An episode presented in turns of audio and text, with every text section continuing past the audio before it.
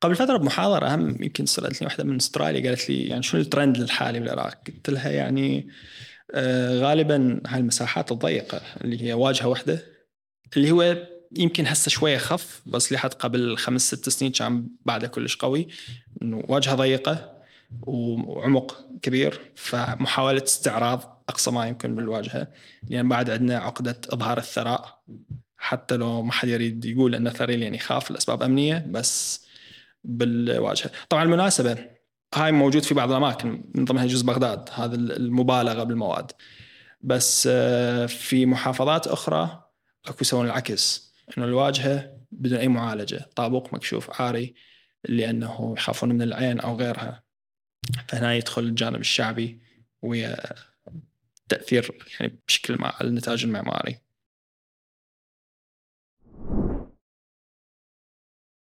أهلا بكم البودكاست تجارب. حلقتنا اليوم راح نسولف بيها ويا محمد الصوفي المهندس المعماري والمؤلف لكتاب بيت شارع مدينة مقالات حول العمارة والعمران. تخرج محمد سنة 2010 وحصل بكالوريوس بالعمارة. آه، لحقها بعدين بماجستير بالعمارة آه، من جامعة البوليتكنيك بمدينة ميلان الإيطالية. وحصل على خبرة واسعة ومتنوعة بهذا المجال والعمل به وراح نسولف عنها هواية بالإضافة إلى رأيه اليوم بالمشهد العمراني بالعراق آه، وبالقطاع هذا. أكيد هم راح نحكي عن الكتاب اللي ألفه شلون كانت تجربته بهذا الشيء شلون أثرت عليه سواء على صعيد شخصي أو مهني. راح نسولف همين عن إيطاليا البلد اللي يحبه واختار أنه يدرس به راح نحكي عن ليش لحد الآن يقضي وقت آه، بهذا البلد وإلى زيارات هوايه له. شنو يشوف مميز به ك مشهد عمراني كشعب كثقافة أو كأكل حتى. وراح تلاحظون أنه هذه المحادثة شوية لها طابع كاجوال آه، يختلف آه، عن بقية حلقاتنا ومتحمس أنه أسمع رأيكم بهذا الشيء. على طاري هالحلقة وطبيعتها فراح تلاحظون أنه أنا استعانيت للمرة الثانية بصديقي مروان حتى يجي ويقدم هذه الحلقة. آه، كونه اولا صديق لضيفنا محمد الصوفي وثانيا آه، متابع آه، شره له قبل ما نبدي أريد هواية أشكر شركائنا بشركة IQ. IQ هي المزود الرائد للألياف الضوئية بالعراق. عندهم مكاتب ببغداد بسليمانية وبدبي همينة. وأحد أهم المشاريع اللي يشتغلون عليها اليوم هو معبر طريق الحرير واللي يربط بين أسلاك البيانات الموجودة بآسيا والموجودة بأوروبا. كذلك شركائنا بهذه الحلقة هم شركة Qi شركة رائدة بمجال الدفع الإلكتروني بالعراق. عندهم مختلف الخدمات والمنتجات اللي يقدموها لأكثر من 7 مليون زبون عراقي بشكل يومي. مثل ال Qi Card وال MasterCard اللي يصدروها أو غيرها من الخدمات سواء كانت مال دفع إلكتروني أو تكنولوجيا مالية. رعاة هذه الحلقة هم منصة جني منصة Digital Zone ومنصة مسواق. كذلك مؤسسة المحطة لريادة الأعمال واللي صورنا بها حلقة هذا اليوم.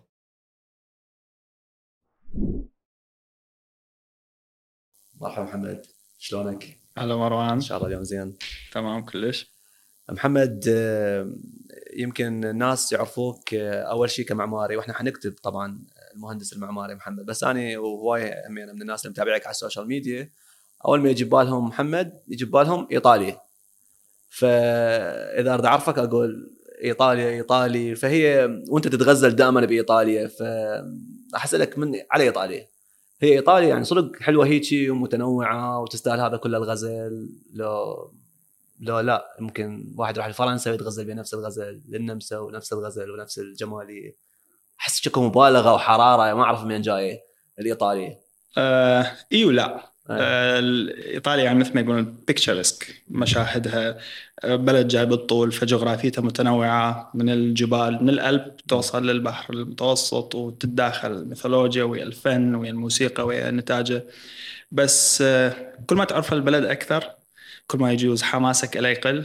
فأكو بلدان الأفضل تبقى شايل صورة الساذج اللي مبهور بها شلون يعني؟ أكو عبارة تعجبني مال صحفي إيطالي اسمه بيبي سيفرنيني يقول your Italy and our Italia not the same thing يعني Italy your Italy اللي تعرفوها وإيطاليا اللي نعيشها هم مو شيء واحد. إحنا نعيش كجدد. أو يعني الجديد اللي يروح. يشوف ال- المدن المراكز التاريخية مالتها الكاتدرائيات الساحات الفن زين طريقة كلام الناس والبادي لانجوج مالهم هذا المميز يعني المطبخ مالتهم التنويع مالته بينما اللي يعيش بإيطاليا راح ينصدم ببيروقراطية هي تقدر إنه ثلاث مرات أبطأ من فرنسا أو أربع مرات أبطأ من هولندا راح ينصدم بنوع من شوية عنصرية في. مجالات ما مو الكل يعني. مو الاسوء أتوقع ما بس موجودة ببطء عام بتأخر بس بالأكل. سياسي. أكلهم الأكل الطيب هاي مو لو هم يعني مثل هاي بدون شك يعني آه. أنا بلحظات اندفاع كنت أقول إنه واحد لازم يعيش نص عمره بإيطاليا ونص الأخ بقية العالم يعني صح بها ترف بس تستحق وين يعني- بإيطاليا؟ يعني يعني فررنا وياك بإيطاليا شوي خلي شوف مو هي. هذه إيه. ترجعني أكو مال علي الور- علي الوردي كان آه. يحكي على بسياق مختلف يقول لو خيروا الناس بين الدول ال- آه، دولة دينية ودولة. مدنية. أو علمانية. بالضبط يقول يصوتون للدينية بس يعيشون بالعلمانية زين فانت شمال إيطاليا هو أفضل المعيشة من ناحية خدمات من ناحية آه، استقرار من ناحية حتى مشاكل أقل. بس هو الوسط والجنوب بغنى أكثر من ناحية التنويع ك... كثقافة كأماكن أحلى كأماكن البحر والترفيه وغيرها. فوين بايطاليا وين زائر؟ لو وين عايش راح تختلف. أنت وين عشت؟ ميلانو أنا عشت ميلانو اللي شمال. هي إيه. شمال ايطاليا ميلان لو ميلانو؟ ميلانو آه ميلانو لأنه ميلان الاسم الإنجليزي أوكي. زين شلون Rome وروما وغيرها أي. آه عشت ثمان سنين مستمره هناك وصلت كان المفروض سنة مم. على دراسة ماستر بعدين لحق ماستر ثاني مم. وبين هيك هذا السعي المشتت إنه حتى تحافظ على الإقامة و... مم. هو تتعصب لهم انت من تعيش بمدينة تقوم تشوف البقيه هيك أقل من عندك وإحنا أحسن وهيك آه، تبدي تتعود على ال system فتكون تصرفاتك سريعة بهاي المدينة. زين. من تروح غير مكان أو يجي شخص آخر من غير مكان تحسه ينشز يحس تحسه يمشي أبطأ تحسه يطلب طلب غريب بالمطعم ما حد يطلبه. فانت يعني يكون عندك قطار على سكة أي واحد يبطئ بيه وهاي تقول له يعني تتخبص ناس يعني هسه مو وقتها. وإحدى الشغلات اللي دائما اللي يجون بإيطاليا مثلا الساعة واحدة أقول لهم يلا نتغدى. يقولون مو جوعة. أقول لهم أنتم مو بكيفكم مو جوعة. المطعم يعزل بثلاثة ويرجع يفتح بسبعة. ثلاثة لأربعة إذا أنت ما ماكل أنت لسه على مم. تستحمل كل إيطاليا؟ ما عدا المرا يعني الأماكن كلش سياحية. مم. واللي عادة بها أماكن يعني مطاعم مو بالجودة اللي البقية اللي ياخذون هاي الاستراحة زين. فهاي هاي جزء من الأشياء اللي وال fashion؟ هناك هم معروفين ال fashion وال style وما أعرف شنو. ال high-end brand موجودة آه. زين هم الناس يعني طبيعتهم حياتهم بس بطبيعتهم أنيقين آه. آه، مرتبين آم، شو اسمه المخرج الإيطالي آه، لا القديم فederico اللي عنده أفلام بالستينات لا دوتشا فيتا وغيرها كان يقول صناعة فيلم إيطاليا سهلة آه. بس حط كاميرا على أي رصيف بمدينة وعندك مشهد حي من حركة. الناس حركتهم لقائهم مثل ما قلنا البودي لانجوج الحكي المواضيع التذمر السياسي مم. كرة القدم المناطقية بيناتهم الدفينة اللي تطلع بأشكال عدة شلون يعني؟ آه، كتاب المؤلف الإنجليزي اسمه تيم باركس مم. عاش سنة ويا نادي فيرونا هيلاس فيرونا اللي هو نادي شوي يمين متطرف على فاشي فعلى الغلاف مال الكتاب كاتب هل إيطاليا بلد واحد أو مجموعة أقاليم متحاربة بوجه كرة القدم. فيعني أنت أي متابع بعيد يشوف هاي لعبة آه، مثلا يوفنتوس نابولي. بس هي قصة بها من القرن التاسع عشر قصة بنوك وحول ثروات منا لهنا فهاي المدينة بقت بها مصانع شركات وهاي صار بها فقر فهذا توارث من جيل على جيل أثر على الواقع الحالي المعيشي. يعني يجوز مو آخر 100 سنة 150 سنة يجوز أكو أقدم. بس قصدي كل المدن مدن هيك فيها قصص وصدق يعني حرب أكو. تاريخ متداخل آه. امبراطوريات مختلفة روما كانت شكل الشمال انحكم شكل نابليون دخل وصل الفينيس غيرها وغيرها. بالرياضه هاي ال- تطلع ببعض التعصبات تطلع بالأناشيد ال- العنصرية بيناتهم وعنصريه يعني ال- المسيئة. بين جهات وجهات. ما اتخيل هذا الشيء يعني بالعراق يعني تتوقع يكون شيء زين إذا صار عندنا بالعراق. هذا هيك التحارب المناطقي يعني يطلع بالطاوه يعني ممكن ويطلع بالرياض هو بإيطاليا يمكن كل الرياضات مو بس الطاوه يعني هم زينين بالطائرة باليد بالسلة. أنا مسألة كلش مهمه آه. أنا أول فترة بإيطاليا كنت انت تعرف على أحد. أقول له المن الشجاع. مم. يقول لي بشنو؟ أقول له بالطوب غير. قال لي لا أنا ما أتابع طوبه. أنا أتابع هيك هاي هاي النظرة الأحادية اللي كان عندنا انت لازم تتابع عبالي كرة القدم إيه ها؟ أنا اولي هيك أنت هيك؟ عبالي هيك إيه. أنا هم إيه. على بالي إنه شنو يعني ليش أكو رياضات لخ... يعني أوكي أكو رياضات لخ... بس، إيه. بس لابد ما إنه أنت عندك فريق كرة قدم لا مم. فريق الركضي مالهم زين. فريق الس- السلة أتوقع يعني يوصل مراحل متقدمة دائما بالبطولات الأوروبية وعندهم يعني مواضيع آه، رياضات هواية. هسه مثلا يمكن ترند وصل لهنا آخر ثلاث سنين اللي هو البادل. بعد استوى اي صح. استوى؟ إيه. صار ثلاث سنين. رايح البادل جايين من البادل آه. جماعتي. بحيث كنت أحس باغتراب شلون الاغتراب مال Game of Thrones أول ما طلعت وأنا آه. ما شايف وصل الموسم الثالث وأنا بعدني أدبي بالأول. زين نرجع على العراق. نرجع على كلش مهتم أنا بهالسؤال إيش تتخيل؟ إذا نطبق هذا بالعراق. نتحارب يعني- بالرياضة. آه ما أدري أخاف ياخذ وجه عنف بي أكثر ما هو كروي أكثر ما هو يعني غير شيء لأنه ال- الجذور موجود يعني موجودة موجودة قريب أقرب من إيه، بدهم يعني ممكن أكثر من سنة هيك فشوية الموضوع بالضبط بعد. بعد الموضوع بالذاكرة. زين يا مدن بايطاليا تنصح إن الناس يعني باي أنت أنت تروح وتجي تروح وتجي اي اي على طول يعني فت- إيه. ثلاث أربع مرات بالسنة الجوازات حفظوك يعني أنت يعني شكلك مميز إيه. مو شو يقولوا لك؟ ها هم ايطالي بيختلفون تعامل الجوازات. شلون؟ يعني مثلا أنا عندي آه، ثعلبة زين. اللي هي يعني الجهاز المناعي. ما يميز بصيلات الشعر. هاجمها. فيتساقط يتساقط الشعر. زين. فانت من تسافر؟ شفت من بغداد عمان إلى إيطاليا. أكو تدرج بالمستوى التعامل مع الخصوصية. زين. زين.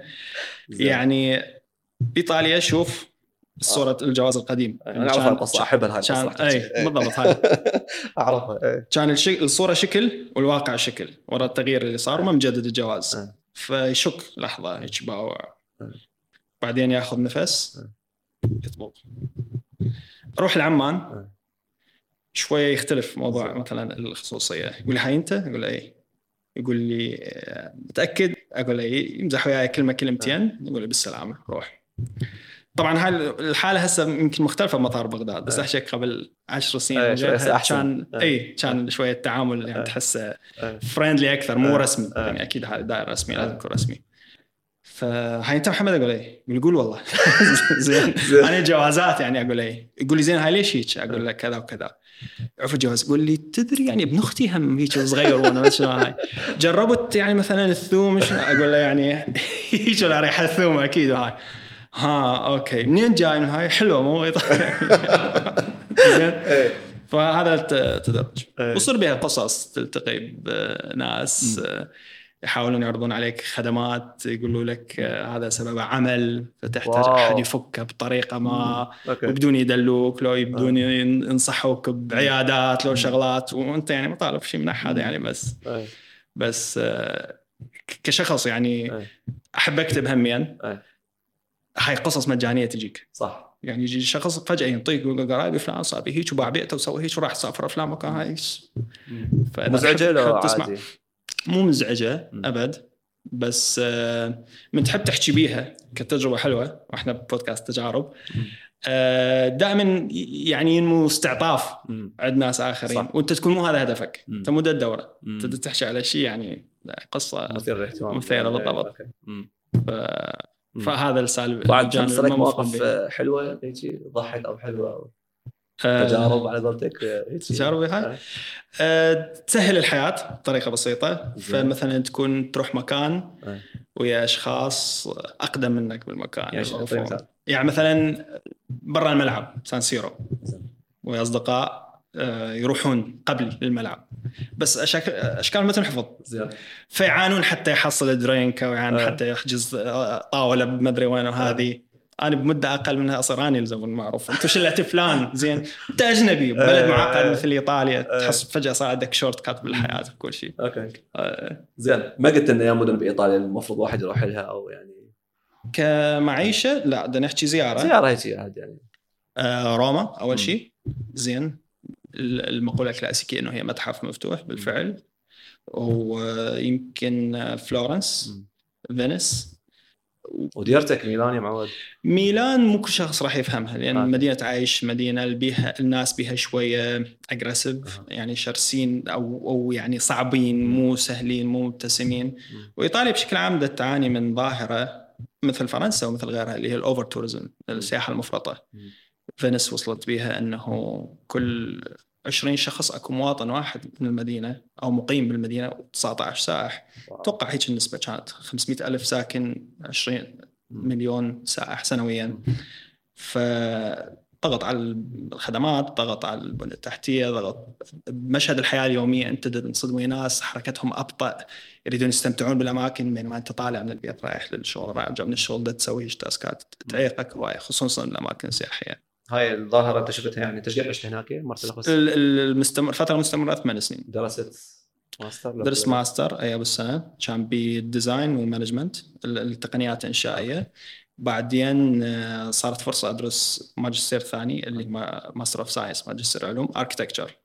ذاك كان كلش عام فكان مبدع بـ preservation موضوع الحفاظ المعماري. تخطيط المدن آه، والجوانب التقنية اللي هي كلش آه، يعني شلون كانت هاي تجربة الماسترات الاثنين؟ يعني آه،. الكورس international كلش. يعني إذا أكو فد 50 طالب من ضمنهم 10 إيطاليين والباقي من مختلف الأماكن. فأنت تقريبا تستفاد من ذولا أكثر من تستفاد يعني من الكتاب. ماكو أستاذ يلخص لك كتاب اقرا هذا امتحان خصوصا بمجال العمل المعماري المعماريين يعرفون شيء عندك مشاريع دائما. فتصطدم بخلاف اختلاف ثقافات اختلاف يعني توصيل معلومة أو توجهات. زميل وياك ياباني راح يفكر بغير طريقة راسا راح يسوي physical model غير واحد زي ما هندي راح يغير بالألوان يقلب الالوان اللي ببالك بالمشهد. غير شخص توجهه بناء على هو منين جاي. فهاي راح يعني كلش تضغطك منطقة الراحة مالتك راح تحس مدى تعرف وين الأمور بس تستفاد بعدين من وجهات نظر ثانية. فهاي الناحية. ثانيا ال ال هي ال- السكول ال- ال- مال المعمارية يعني متجددة كلش. فلحد يعني قبل أنا دخلتها اسمها شيء وطلعت اسمها شيء ثاني. غير الاسم كانت مثلا مدرسة العمارة صارت مدرسة العمارة والتخطيط العمراني وتقنيات الإنشاء. جامعيها كلها مظلة واحدة يعني من كل شيء. فتجربة كلش يعني إيجابية. وأنت كطالب يعني بالعشرينات كنت بوقتها من عمرك؟ يعني شلون غيرتك آه، أو تشكيله تغيرت بيناتهم؟ يعني كطالب هل هي نمتك أحسن حتى تكون جاهز لسوق العمل حط خلتك أكثر كاستراتيجيست كمخطط أو كشنو بالضبط؟ أنا دائما أبغى يعني شوية يمكن دا عكس انحياز شخصي أبغى على الدراسة هيك شوية بريبة إنه هي إيش قد فادت الواحد بالضبط؟ آه. كل كلش خوش نقطة هاي أنا جاي من هذا ال- ال- التوجه الجامد كان اللي ينظر للناحية الأكاديمية إنه هي لنفسها مو لسوق العمل مم. وبالفعل هذا كان فرق بالتجربة إنه أنت وين أكو آه، ثغرة بسوق العمل بس طبعا وهي التوجهات المعمارية اللي هي ال- ال- المواكبة للعصر اللي بها فوائد سواء مجتمعية أو بيئية وتغذيها. سواء مجالات البحث ما راح يجي طالب يقول ابدا أبحث في فلان موضوع ب 2000 سنة. غرض ترف شخصي صح. لا. تسوي شيء راح يجوز يفيدك تكمل ويا فلان شركة أو أصلا تتعاقد ويا شركة تسوي جزء من البحث هنا فأنا هذا هم مرات يعني موضوع يقهرني إنه إذا تصير دراسات إذا تصير مشاريع بنية تحتية أو غيرها بمجالات ما راح يجون الشركة على طالب يقولوا له أنت سوي هذا الجزء مال زين. ثلاث أشهر ويفيدهم الطالب راح يسوي شيء يعني بالحلقة الأكاديمية مفرغ راح يرجع لدراسات سابقة أكاديمية بهاي البيئة المنغلقه زين. هذا الحاجز المفروض يعني ينكسر. هذا بالعراق نفس الشيء لأن يعني اللي يسمعونه يمكن هواي ناس يمكن صف سادس يقرر يروح معماري لو ما يروح أو هندسة لو ما يروح هندسة. عندك يعني فد فد اطلاع على هذا الموضوع كدراسة هنا وقربها على سوق العمل؟ بصراحة موضوع كلش محير عندي أسئلة هواي بيه يعني واحد يجاوب بس هو أنا هم أبحث عن الأجوبة. وكل فترة نغير أجوبتنا يمكن زين. هو هذا اللي يخلينا يعني ننجو بالحياة مثل ما يقولون. بس الأكيد إنه أنت شلون يقول لك إنه بقي التساؤل دائم ال- الحيرة راح تبقى مرافقتك آه، يعني مدة طويلة. واللي تتعلمه من الأساتذة هو أكيد مو نهاية العالم خالفهم بالرأي آه، تمرد عليهم إلى آخره. يعني من لجزء يعني بالنهاية هم هم يعيدون النظر بأمور معينة. فهي على على قولة معماريات اثنين إيرلنديات فازوا جائزه مهمة. يقولون إحنا ندرس ونت... ونتعلم من الطلاب ونتمنى إنهم يتعاملوا تعلموا من عندنا. هو ماكو جسر وضفتين وأكو سكة واحدة ماشيين بها واكلوب المعلومة تروح. زين أرجع مرة الاخ يعني كمجال عملي. آه اليوم آه، الطلاب الزينين أو الأذكياء اللي يطلعون معدل يروحون آه، للطبية وراها آه، مجالات الهندسة. والمعماري كان دائما ياخذ آه، أعلى درجات بال يعني خلينا نقول بالقبول. ف وراء المدني وهذا الصراع الأزلي بين المدني والمعماري اليوم أنت تبدي تشتغل بالعراق وتفوت بمشاريع وعندك يعني نتورك زين.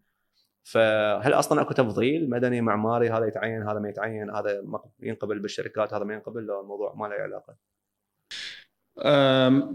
أتوقع يعني المسارين بالشغل يعني مو ما حد يغطي على الثاني. أوكي. كل مجال له مجاله. المشكلة عندنا إنه شلون نشتغل كفريق. يجوز أكثر لازم نعرفها. لازم آه، نعرف حدودنا وين وين وراه نبدي نستشير المدني. من ناحية المعماريين هاي عندنا تقصير بالتواصل بالفهم بالنظرة الواقعية اللي أحيانا يعني نوع من اللوثة تصير طريقه التفكير من الجانب الأكاديمي. وبالنسبة من المدنيين اللي هي يكون قصور وفهم إنه أكو رؤية أعمق من اللي دا تشوفه أكو مشهد أكو علاقات ما ما يفهموها الموضوع مو موضوع ذوق فأنت تقدر تسوي هيك أو تصمم هيك. فهاي الحدود ما مرسومة بطريقة صحية لحد الآن وإلا هي يعني بس الرسم بس تتوضح. يعني ما أتوقع راح ترسم وتتوضح مو؟ لأنه المدني فايز عليكم بالسوق صار له هواية. يعني هم فايزين بكل البناء وال والمشاريع. مو لو أنا إيش متوقع؟ ما أعرف. ما, ما, ما أعتقد يعني ال ال ال المدني يشتغل كل شيء خلينا نقول. هو معماري هو يبني هو الخلفة يمكن مرات. مو لو اكو تصير هواية. أتوقع لأنه يعني موضوع قوانين وضوابط ووضوح إنه لازم هاي من تصير لازم اكو معماري موقع عليها أو خاتم عليها والمتابعة مالتها واللي هو يمكن جزء قصر بال بال قصر حتى بال يعني أكو حاجة أكبر من ال... يمكن البيئة الموجودين المعماريين أو المصممين حاجة بال... بالشغل بس بسوق العمل. أحيانا. حاجة أكثر يعني موضوع ما متأكد منه بس أكو تفاوت. شايف من مرات نقول أكو هواية ناس بس ماكو شغل بس بعدين إيه. أكو مجالات بها هواية شغل وماكو إلها المؤهلين. إحنا نحكي على مثلا المكاتب الاستشارية اللي تنفتح هسه وهاي لو شنو بالضبط المكانات اللي ممكن بها توظيف؟ إي من يعني من أك أصغر استوديو أو مكتب معماري إلى أكبر آه، شركة مقاولات أو غيرها. آه، اكو أكو هذا يعني يعني المعماري بعده خلينا نقول آه، قطاع حيوي يستقبل خريجين طلاب الهندسة المعمارية وأكو فرص عمل وإلى آخره إلى آخره. على حد آخر فترة لقائي بناس من مجالات مثل طب الأسنان أو الصيدلة أتوقع الوضع المعماري بخير. طبعا مو بالضروره يكون الأفضل. ومو بالضرورة من العشر سنين هو ما مهدد أو أكو وظائف ثانية تصعد. خصوصا أنت يعني أدرى مني بهالمجالات التقنية أو الـ IT أو الـ coding أو الغيرها والغيرها. بس بنفس الوقت أنا أشوف إنه معماريين آه، اكو علاقة غريبة بينهم بين الـ interior design خصوصا البنات يعني كلهم يريدون يتوجهون للـ interior design ما يروحون للمعماري مثل ما أنا مفتهمه ما أدري فهمي غلط انه هو الشخص يبني خريطه البيت أو الواجهة على بتحب هاي الكلمة. آه، إيه. الواجهه أو whatever آه، شنو قصد الـ interior design by the way إذا نطلع من الموضوع بشكل مباشر إحنا بدنا نتعامل ويا مدينة موجودة. ومباني قديمة وميزانيات ضخمة حتى تسوي إعادة تأهيل شاملة. فبالتالي تلجأ التغييرات تغيير الاستخدام أو الأدابتيف ريوز أو أي شيء يسموها. فيكون أكو قطاع نشط قطاع التغيير بالبيئة الداخلية. خصوصا إنه أنت هذا شيء عرضة للمحاولة والفشل. إنه هذا مكتب بعدين جرب سنة يصير مطعم بعدين كذا. فهذا قطاع له شغله له سرعته موافقاته أسهل. فيلجؤوا له الناس. ثانيا إذا تجي عليه من ناحية له هو مو بالشمس. مو مواقع مفتوحة مو ميزانيات ضخمة مو موافقات صعبة. ف... فيكون به نشاط. أنا شخصيا أتجنبه لأن أتوقع دائما إحنا يعني نسطح الأمور ونقول إنه هي مسألة ذوق مسألة فهم بس هو بلمسه إضافية بتعمق آخر. ما أعتقد يعني شلون مهندسين مدنيين ينتقصون العمل المعماري ويعتقدون إنهم يقدرون يمارسوا؟ أتوقع ان كمعماريين نستسهل عمل التصميم الداخلي ونمارسه على هو by default شيء من امكانياتنا هو مو هيك. هو ننتظر لمسة أكثر. طبعا ما أحكي على الاستعمالات العادية اللي هو المنزل سكني أو بيئة عمل عادية. دا أحكي من العمل يتعقد أكثر. شلون كنا نحكي موضوع الصوت والعزل الصوتي والإنارة. هاي كلها من ضمن الحلول. هي مو بس جمال يعني. تمام. زين بما نحكي على الجمالية والذوق وهاي الشغلات موضوع الفوضى اللي موجودة ببغداد اللي الناس قاعدة تحكي بيها أنا دارد يعني أشوف آه، ناخذ الموضوع جدليا إنه يعني شنو هو أصلا فوضى؟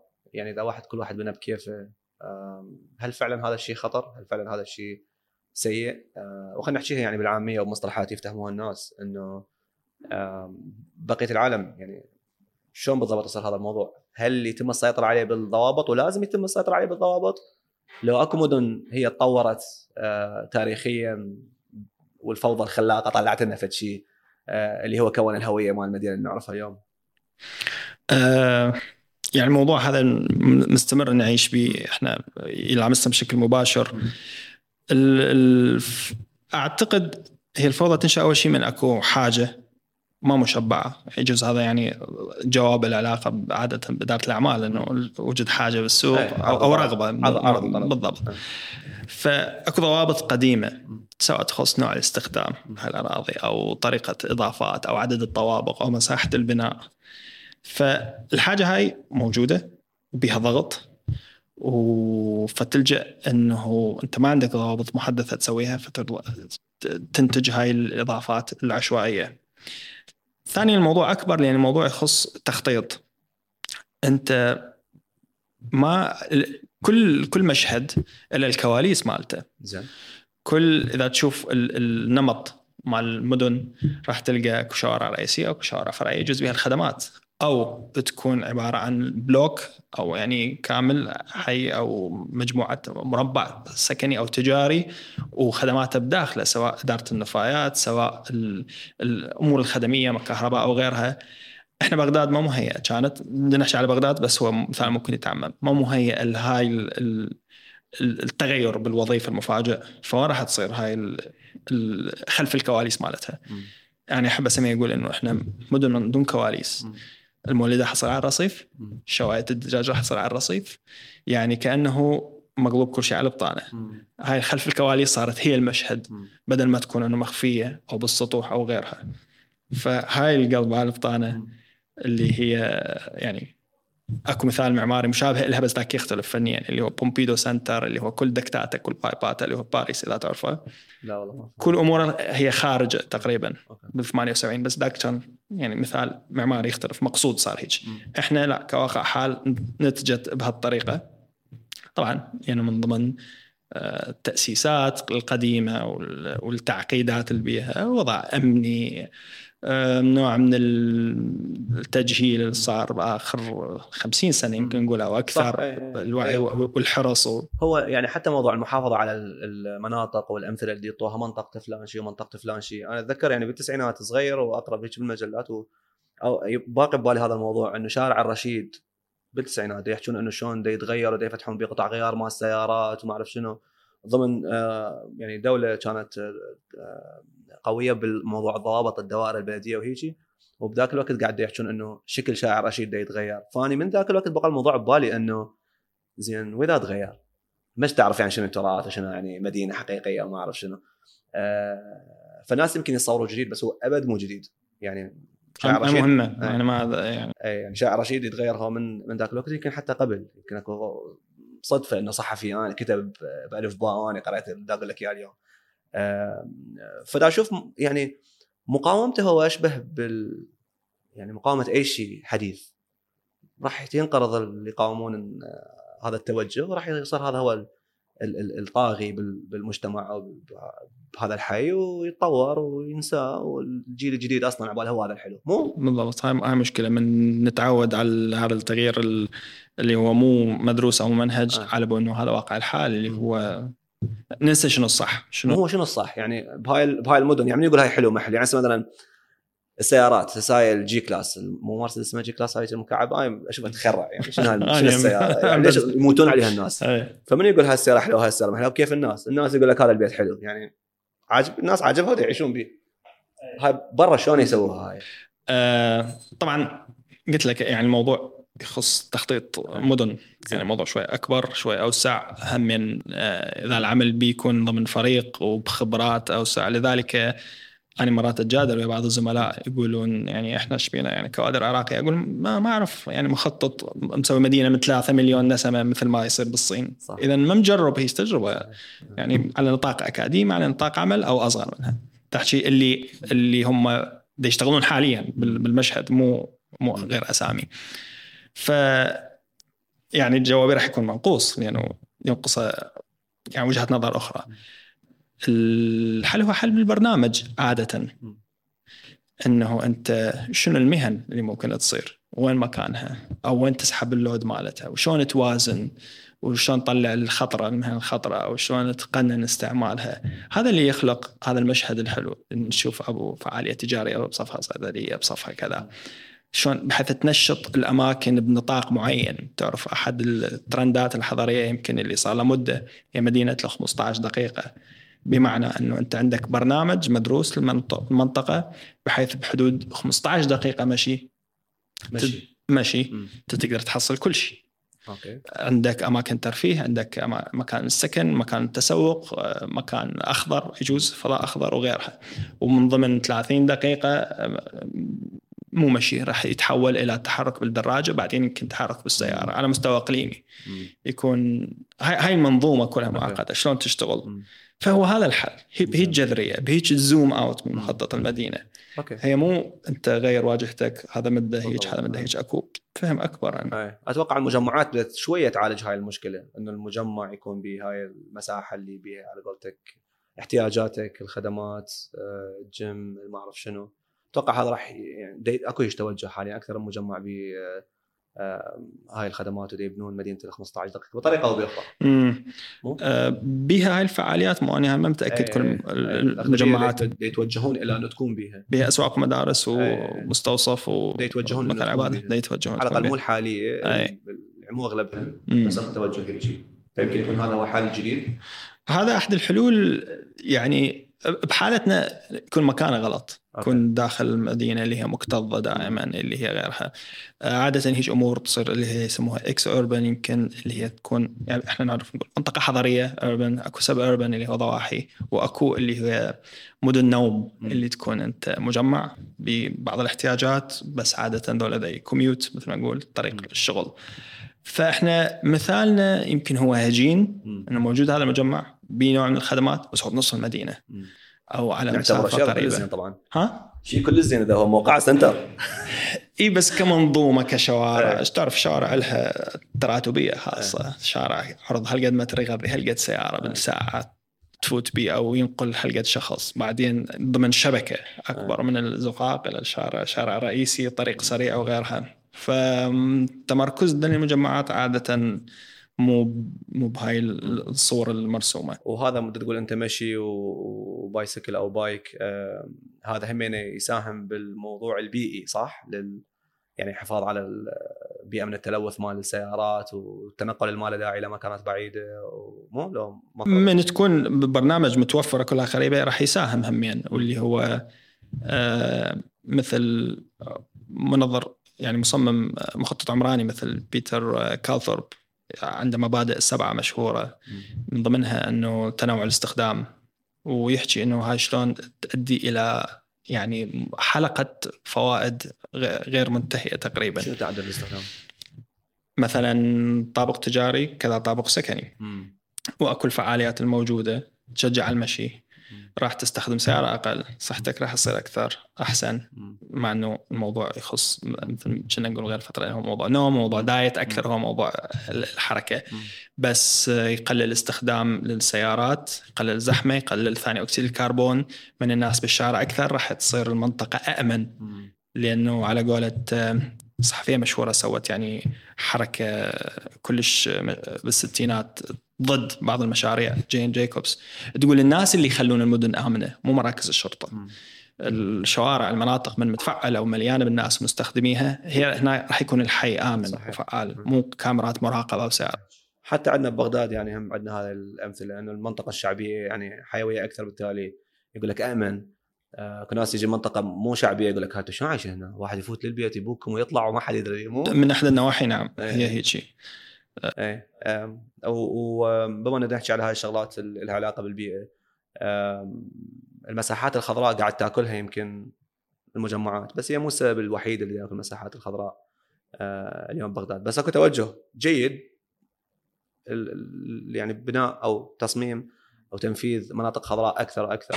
آه، مو حسب ما تشوف لو مثلا مال معسكر رشيد اللي طلع يعني حتى حتى. حديقة الأمة من عادوا ترتيبها. أو أكو باركات صغيرة حاليا دا تسويها يمكن البلديات. دا انتبه عليها بالمناطق تحطون بها ملا... ملا... آه، آه، شو اسمها ألعاب أطفال وتعيد الخضار مال الثيل الموجود بال- بالمنطقة أو بهاي الساحة. موجودة هذه نقدر نحكي بها من ناحيتين. من ناحية وجهة نظري الشخصية طبعا آه، هي يعني ما تكفي. من ناحية المساحات ومن ناحية الكثافة السكانية الموجودة من ناحية ثانية هي ال- الأدوات مالتها أو المصاطب أو غيرها هي يا أما عشوائية أو مو بال ما بيها أنت مسوي مسوي مرات تحتاج يعني لمسة إبداع. تتغير استخدام المكان يعني حائط مال لعب أو stations مال تمارين. ممكن تكون ضمن استراتيجية على مستوى حي غيرها. هاي الرؤية مفقودة. إحنا نتعامل ويا الشيء بشكل مباشر. أي. وتكتب أنت بالسوشيال ميديا كتابات ساخرة ومرات كتابات حقيقية يعني مثل العمود الصحفي أو post على الفيسبوك وما أدري يعني لما الفيسبوك كان وين انطيت وجهك؟ كان وين عبرت؟ شوف آه هاي مسألة كلش مهمة. يعني أنا من حبكى كلش أحب السوشيال ميديا. بطبعي بطفولتي يمكن إحنا هواي من عندنا نكون خجولين نستحي نقول رأينا نخاف. السوشيال ميديا فجأة ينطيك مساحة. طبعا هو له ناحية سلبية على قولة أمبرتو إيكو أنه يخلي مجاميع حمقى يحجون رأيهم وغيرها. نتمنى إحنا مو من الحمقى يعني. مو بس إنه إحنا نعتبر روحنا نتمنى غيرنا. آه بس بوقتها يعني راح يعطيك فرصة تقول رأيك بشكل كامل واضح وتسلسلة. وتحصل يعني إضافة مهمة من هواية ناس أو مختصين أو غيرها يصلحوا لك أو يضيفوا لك وجهة نظر. فأداة تفاعلية يعني كلش مهمة. تجربتي بدأت من كتابة عمود صحفي بجريدة العالم. وكنت يعني كان يظهر بشكل مطبوع. واللي هو شيء كلش عاطفي بالنسبة لنا يعني نشوف اسمك على مكان مطبوع إيه. يعني تجربة تخبل يعني مثل تجارب الولادة يجوز أو غيرها يعني ماكو. بعدين هذا كان فتح باب إنه أسمع آراء ثانية سواء إضافات مهمة أو تصحيح لبعض المفاهيم فيخليك إنه أنت آه، يعني حتى تكون عندك جرأة إنه تجرب تطرح رأيك ما يهم راح يصلحوا لك. يعني ناس أفهم منك واللي هو شيء مهم. اكو اكو أكو هاي ال- ال- ال feedback والمنحنى التعلم يعني يكون مستمر. بال social media. بال social media. وبالجريدة. الجريدة يعني ما راح تعرف قارئ لازم أي. جريدة في مكان ما شنو رأيه. إيه. زين تحرمك من من هذا الشيء. فبعدين قدرت أجمع المقالات أعدلها يعني أعدل التسلسل مع المواضيع بها. يعني نحذف التكرار هيك وطلعت بالكتاب. بكتابي. بين شارع مدينة. اي هو على موضوع الجريدة بدي أسألك. يعني هي الصحافة المطبوعة ماتت بالعراق. مو ماتت نقدر نقول. بس برا بعدها يعني okay تتجه نحو ال digital بس آه، إذا نتذكر قبل 15 10 سنين آه، قالوا انتهت انتهى المطبوع وال digital راح ياكل المطبوع واليوم آه، دا يقل كل شيء مطبوع بس ما, ما مات. بس بالعراق ما يتصل عليه يمكن 10 سنين مو؟ أي أكو طلع حكى يمكن ب TED Talk. مؤلف كتاب مم. إيه- إيش اسمه يمكن the death of print ما أدري شنو ميديا ماكو إنه موت أي. المطبوع أو المكتوب وغيرها بس يعني بشكل مثير للسخرية الكتاب انطبع من خمس نسخ. زين فيبقى هذا الجانب يعني فعال نوعا ما بس هو اي تصير هاي الانتقالة تقل بحيث أحد أشهر المجلات المعمارية. ما اتذكر هي لو ال Architectural Review لو Digest آه، قالت إنه العدد الفلاني من السنة اللي هي 2018 كان هو آخر عدد. ناشونال جيوغرافيك عزلت المجلة مالتها. آه، إيه، انتهى موضوع ال- ال print اللي هو الأجيال الطويلة عاصرتها وتحب تحتفظ بها والصور مالتها. بس يمكن آه، الكلفة مال طباعة هاي وتوزيع ال- ال- الجرايد هي همينة عالية العالمية. ما يناسب السعر هاي بس بالعراق يعني دا يعني شوي دا لحب موضوع العراق لأنه هم أتذكر من أنت مرات تنزل مقاطع من جرايد ايطاليه الموضوع بعده يعني مستمر آه، وجرايد مثلا رياضيه زين آه، شلون شلون هاي عايشة اللي هسه الجرايد الرياضيه والمعلومة الرياضية كلش سريعة وتقدر تأخذها من أي مكان وتتناقش بها ويا أصدقائك من تشيرها على ال social media مالتك. هذا موضوع كلش مهم يعني ما عندي ال- ال- الجواب يمكن يثبت عليه إنه. مستند على أدلة بس ممكن يكون إنه إيطاليا الهرم السكاني لها عكسنا آه. يعني نسبة المتقاعدين أكثر okay دول صح يتعاملون مع ال social media لكن عنده وقت فراغ الظهر. أو الصبح يشرب كافيه أو الكابتشينو ويقرأ الجريدة ويقلب أو يقتني الجريدة بشكل يومي يتابع الأخبار مالتها والقراءه مهتم بكتاب معينين. لأنه جاي من 30 40 سنة شغل بمؤسسات. فهو يعني يعني critical thinking باوع ينتقد يتابع الأمور السياسية. فلذلك هذا القطاع نشط شوية. وإحنا ما أعرف إحنا اولا إيش قد 60% تحت ال 25 أو تحت ال أقل 30 شوي أقل هيك بالخمسينات، نسبة. إيه. إيش قد منهم مو بالمدرسة إيش قد. منهم أصلا يكتبون. فهذا يقلب المعادلة أتصور. مم. والجريدة الرياضية هي موضوع ثاني يعني ذيك اي الجزء الرياضي يحكي صدق ذيك يعني غالبا هو موضوع بي بفن روائي. يعني الصحفي الرياضي ما يقعد يدور على خبر. يجوز عنده خيط خبر. أو عنده like من لاعب على post. يخلق منه قصة. فهو يعني كأنه فن شلون تنشط مخيلتك تألف قصص بعيد عن الحقيقة اللي هو طبعا تدخل بموضوع يعني يكون يجوز مو اخلاقيا نعتبره يعني أنت تشوه أو أو تعيش مشجعين النادي الفلاني برعب في شهر إنه هذا اللاعب راح يترك النادي وغيرها بس ينطيك هاي الإثارة الجرعات مال المتابع. يشتروها يعني هي قيمتها شنو بالله هناك مثل بطل مي لو؟ آه لا؟ بطل المي يورو يورو 20 سنت الجريدة يمكن هسه يورو ونص. زين يعني يورو ونص يعني دولارين الا إيه. ربع تقريبا ف وكجرافيك انت عندك شلون البلاي ستيشن المؤشرات مال اللاعب. زين. يعني مو خبر انه هذا اللاعب هيك لا. انت عندك infograph. إيش قد قوى كل سنة قيمته السوقية مم. الفريق استحواذه هجماته. أمور يعني تقرأ معلومات بيانات بس infograph بطريقة ممتعة. فتساعدك على استيعاب الموضوع أكثر. مم. زين وش قلت لي جمعت الكتاب مالتك العفو المقالات مالتك بكتاب.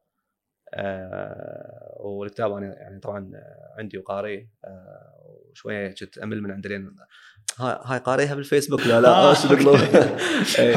آه، بس اللي فاجئني وعرف انه هو فاجئك شفت مرة لقاء تقول فاجئني انه صارت الطبعة الثانية مالته إي. آه، يعني خلصت الطبعة الأولى وصارت الطبعة الثانية مالته تفرق الطبعه الثانية عن الأولى؟ by the way لا. آه شوية تدقيق لغوي. okay. إي إي. تمام. وغير شكل الغلاف على مود إضافة يعني okay. حتى تحس بشيء جديد. أم، فايه يعني تجربة أتوقع زينة يعني بالنسبة لك يعني إذا تقدر تحكي لي شوي عليها وتحكي لي أو تحكي للناس اللي مترددين يمكن يريدون يكتبون كتاب وما يكتبون أو آه كنت كلش كلش متردد إنه أكتب حتى مقال يعني وكان أكو أحد الأصدقاء من اللي هم ال... هذا النمط الكلاسيكي لا لازم أنت تعرف هيك لازم تتأكد من فلان شي لازم عند قارئ معجم اللغة العربية ومعجم العناصر المعمارية ومسوي هيك ومسوي هيك. بس بالحقيقة هي يعني ثقل أكبر من إمكانية أي شخص بدايه الطريق فيقتل عندك حس حس المغامرة أو التجربة. هو مهم إن أنت تنتج شيء مهم بس مو معناها أنت ما تجرب أصغر شيء إلا توصل لمرحلة الإتقان. فبعدين صديق آخر أو هو صديق أعتبره معلم خالد مطلق آه، دفع هواية وقال يعني خلي موضوع التجربة والخطأ. والموضوع طلع يعني أسهل نسبيا يجوز عندي يعني آه، امكانيه مسبقة أو طلع كافي كوني ابن المجال.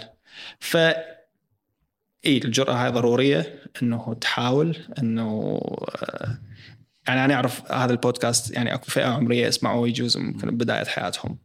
ف مثل ما يقول دائما يعني هذا المقطع يعجبني من مارك توين إنه بعد 20 سنة أنت راح تكون ندمان أكثر على الاشياء ما سويتها من الأشياء اللي أنت سويتها وتندمت عليها. ف okay. فهاي المرحلة نشجع هي- الناس إنه يكتبون يكتبون أي شيء يكتبون رأيهم يقدموا فيديو يعني بالتالي صح إحنا مجتمع على قولتك متنمر اي تحت. ما يخالف يعني أكو أمور تنسي إيه. جميل المقدم اللي قبلي اي ينتقدوه والله ليش تضحك؟ بلا شنو ليش تضحك؟ إحنا ما مصدقين نلاقي واحد يضحك ولا ليش تضحك؟ هاي أكو اي أكو أنا هاي هم يعني تزعجني إنه أكو صورة نمطيه عن الرصانة إيه. لازم تكون جاد كلش أرد أحكي بيها لازم إيه. تكون ممل لازم تحكي لغويا بالطريقة الفلانية أو إيه. تلبس شفقه إيه. صورة نمطيه مرتين أرد أحكي عليها مرة على المعماري. إنه هيك اكو صورة نمطيه إنه إيش لازم يكون ما أدري عنده pipe يمكن أو هيك شوية. مثير للجدل شكله أو هيك ما أعرف هذا ليش هو هيك؟ أه، أتوقع كل المجالات مجالات العمل اللي بيها قرارات أو لمسة فردية. بالنهاية صاحبها راح يتحول إلى هو brand نفسه. فيريد يخلق هاي الصورة. الذهنية عن نفسه. فيحاول يميز روحه سواء بتسريحه شعره بعناصر بطريقه ملبس معين. سلفادور دالي كان عنده صورة ويا أكل نمل يعني البيت مالته أو غيرها. فالمعماري في مرحلة ما يمكن كان بهذا الشيء. يعني اكو مظهر كلاسيكي معين المعماري ولمسات فردية عليه. هاي هم تغيرت. آه، تشوف هواي معماريين من أجيال أخرى أبسط. آه، عادي مؤتمر ومعمار مهم مثل عرفينا اللي هو من تشيلي صاعد بقميص لينن يعني كاف رداناته ود- ودا يحكي يعني وقميص لينن معقد. يعني كان كان قاعد أو بورك شوب عمل معماري. فهاي هم تغيرت وض- وضروري الواحد ما يكون أسير له نعم أكو أكو مساقات لازم تحترمها مجال تحترم المهنة تحترم المجتمع اللي تلتقي به العمل اللي تقدمه وتعرف أهميته بس ليكون هو الشاغل هو أو اللي يقيد. وجهة نظر يعني شخصيه زين. والصورة النمطية الثانية على الكتب بما انه يعني إذا نحكي إحنا بالكتب. إنه الكتاب لازم يكون رصين وهيك يعني يقول لك شنو كتاب؟ هسه كتاب مشهور اسمه ضلعه الفستق هو يبيع. لو هاي الكتب الجديده العراقية مال وقفت على جسر السنك ورأيت كاهي رسول فذكرني يعني هو أنا هيك بدي الفتها يعني آه، أوكي، إيه، أوكي. تقريبا يعني أكو هيك كتب أي. آم، فأنت ويا ضد مع يعني يعني هاي الكتب. أخاف الموضوع يمس يعني حرية بالنهاية ال- حلو إذا يكون الكتاب رصين إحنا نحب القراءة نحب نكتب بس هم أكو هامش التجربة هم أكو شخص حر ينشر كتابه لازم يكون يعني حلو يحصل هيك نقد. لأنه مظهر الكتاب عندنا إحنا مظهر له قيمة تختلف خصوصا إحنا بيئة نشأت منها معتقدات معينة جت على شكل كتب فهذا ياخذ لمسة. إضافية من التحفظ على اي. عمل بس لازم نكون يعني متساهلين يعني شوية أكثر. مو بالنقد إنه بالمنع. يعني هذا الهامش لازم يكون موجود يعني هاي. أيوه يعني هاي دائما يجي المثال. شايفين برا شلون يقرون كتب؟ إيش قد أكو كتب بالمكتبة؟ يابا انت يعني شايف الكتب بالمكتبة مالتهم شنو؟ ترى على كل شيء على يعني تاريخ غير السيارة إلى فضائح عارضات الأزياء. مو؟ يعني بالأخير هو أنا أشوف بداية القراءة ممكن تكون من أي شيء الشخص هو مهتم به. فت يعني هذا خلينا نقول ال commercialization إنه الكتاب صار تجاري أو صار سلعة. أم، همينه مع ضد ويا إي لا. يعني ضد إنه تكون الأمور لازم مو منتجة. أو إنه الثقافة لازم تكون مو منتجة. أو الكتاب لازم يكون لنفسه بدون أي لمسة إضافية. زين أنت يجوز عندك مادة معينة بالكتاب. ترفيه بس لا يمنع إي لا يمنع إنه التعامل ويا الغلاف شلون يسوق يسوق بشكل أفضل. إنه العنوان إنه طريقة نشره وتوزيعه مو تفكر بجانب احادي بالموضوع. تعامل وياه كباكج يعني إحنا بعصر شوية آه، أمور الموارد التعامل وياه ب- ب- بده يوصل للاشباع والقراءة بحد ذاتها يعني فعالية يعني دقائق القراءة عالميا يمكن هي تقل بفعل. السوشيال ميديا بكل مكان يعني. صح. ف أي. فهذا يعني هاي المتغيرات تطرح متغيرات ثانية عن ويمكن يمكن هذا يكون يعني مدخل للناس إنه يبدي بهاي الكتب ال- ال- اللي بعض يشوفها سخيفة أو تافهة أو يعني بالمناسبة يعني حتى الكتاب مالته كان متأكد لك ناس حيباعوني هيك يقلبون يقول شنو هذا؟ كتاب؟ مو؟ اضحكك يلا. أكو أحد المواقع واحد كاتب يعني مراجع كتابي كاتب كتاب جيد. ويعني معلومات حلوة وقراءته سريعة إنه تيك توك العمارة. آه. لأن كل. مقال ثلاث صفحات يعني أحد المقالات. فالتيك يعني، توك. العمارة. أنا كنت ضجت منها وقتها لأنه صدق لأنه ما أعرف هو ال- ال- القصد شنو. بس إنه سطح الموضوع. أنا كنت مختزل بس مو سطحي. زين. بس يعني شيء ضحكني إيه. هي وجهة نظر بالنهاية و... إيه بس إيه يعني متأكد هو حيكون مدخل لهواي ناس إنه يفوتون للقراءة الأعمق. أتصور اي يعني كل مجال بالضبط ممكن إيه. توصل هو حتى يمكن موضوع شوي مثير لل- للدجل للجدل إنه يمكن أكو كتب ناس تبي تقرأ وتتعلم على القراية على كتب هاي مال ال erotica يمكن. وشوفه هيك يقرأ وما أدري شنو مجرد هو تعلم على هذا بدأ يقرأ ويفوت من هناك للقراية بغير مجالات ما أدري. آه، اي يعني حتى الأمور اللي عليها أتوقع نعرف إنها هي تنشط من. تكون ممنوعة أكثر صح وإحنا بدنا ندفع باتجاه القراءة مو الحب بالشكل الكلاسيكي للقراءة وإنما بوصفها طريقة حصول على معلومة راسخة تخل تنطيك هام يعني مساحة إنه تتأمل الشيء أو تفكر به أو تعصفه ذهنيا أو غيرها عكس المرئي مم. اللي هو فيديو ينفرض عليك إيقاع معين مم. ويعني يوجهك أكثر ممكن كبروباغندا وبعدين آه، صعب آه، يعني تعيد بالتفكير به مثل الكتاب ووقتك وياه فهي هي مو مدحا بالشكل الكلاسيكي والطريقة النمطية أو القديمة وغيرها وإنما هي هاي كأداة حصول على معرفة بها فعالية قناعتي وقناعتك يمكن إحنا نحب نقرأ أكثر من غير مجالات. تتوقع نفسك جاهز إنه تكتب كتاب مثلا على الطاولة؟ هواي ناس يمكن حيحبون يقرون هيك ويشوفون شغلات العلاقة بالطاوله مكتوبة بطريقة سهلة تيك توكية على.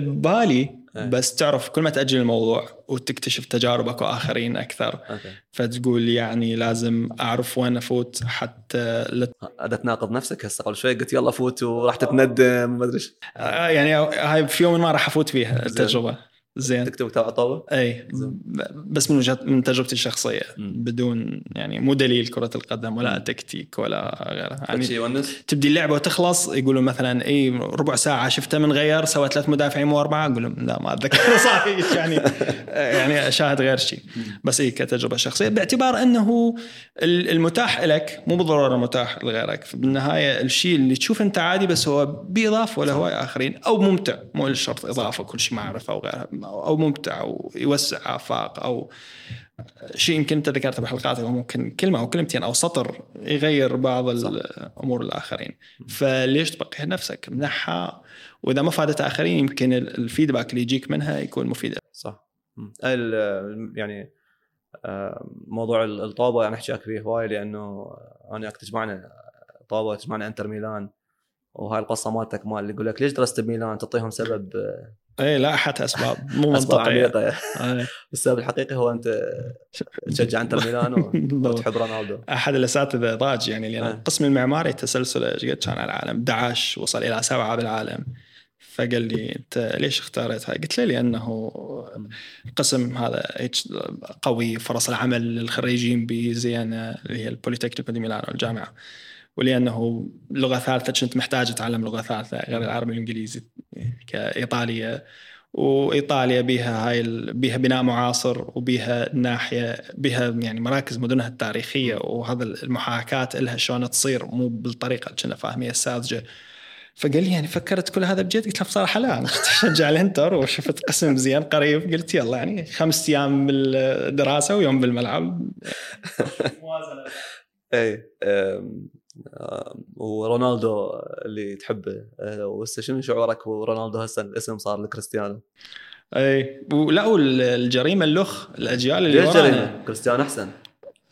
كأرقام إي يعني خلينا نقول الوقت تغير ال- الوعي ال diet هاي ال mentality الذهنية مال الالتزام والانضباط وكلها بس اللي يألمني إنه الأجيال الجديدة يقولون يعني رونالدو وفات رونالدو. wow okay. آه، مر عليك هالشيء. كلش يعني يجرح. أنت تشوف أحد القدوه من قدوات الحياة.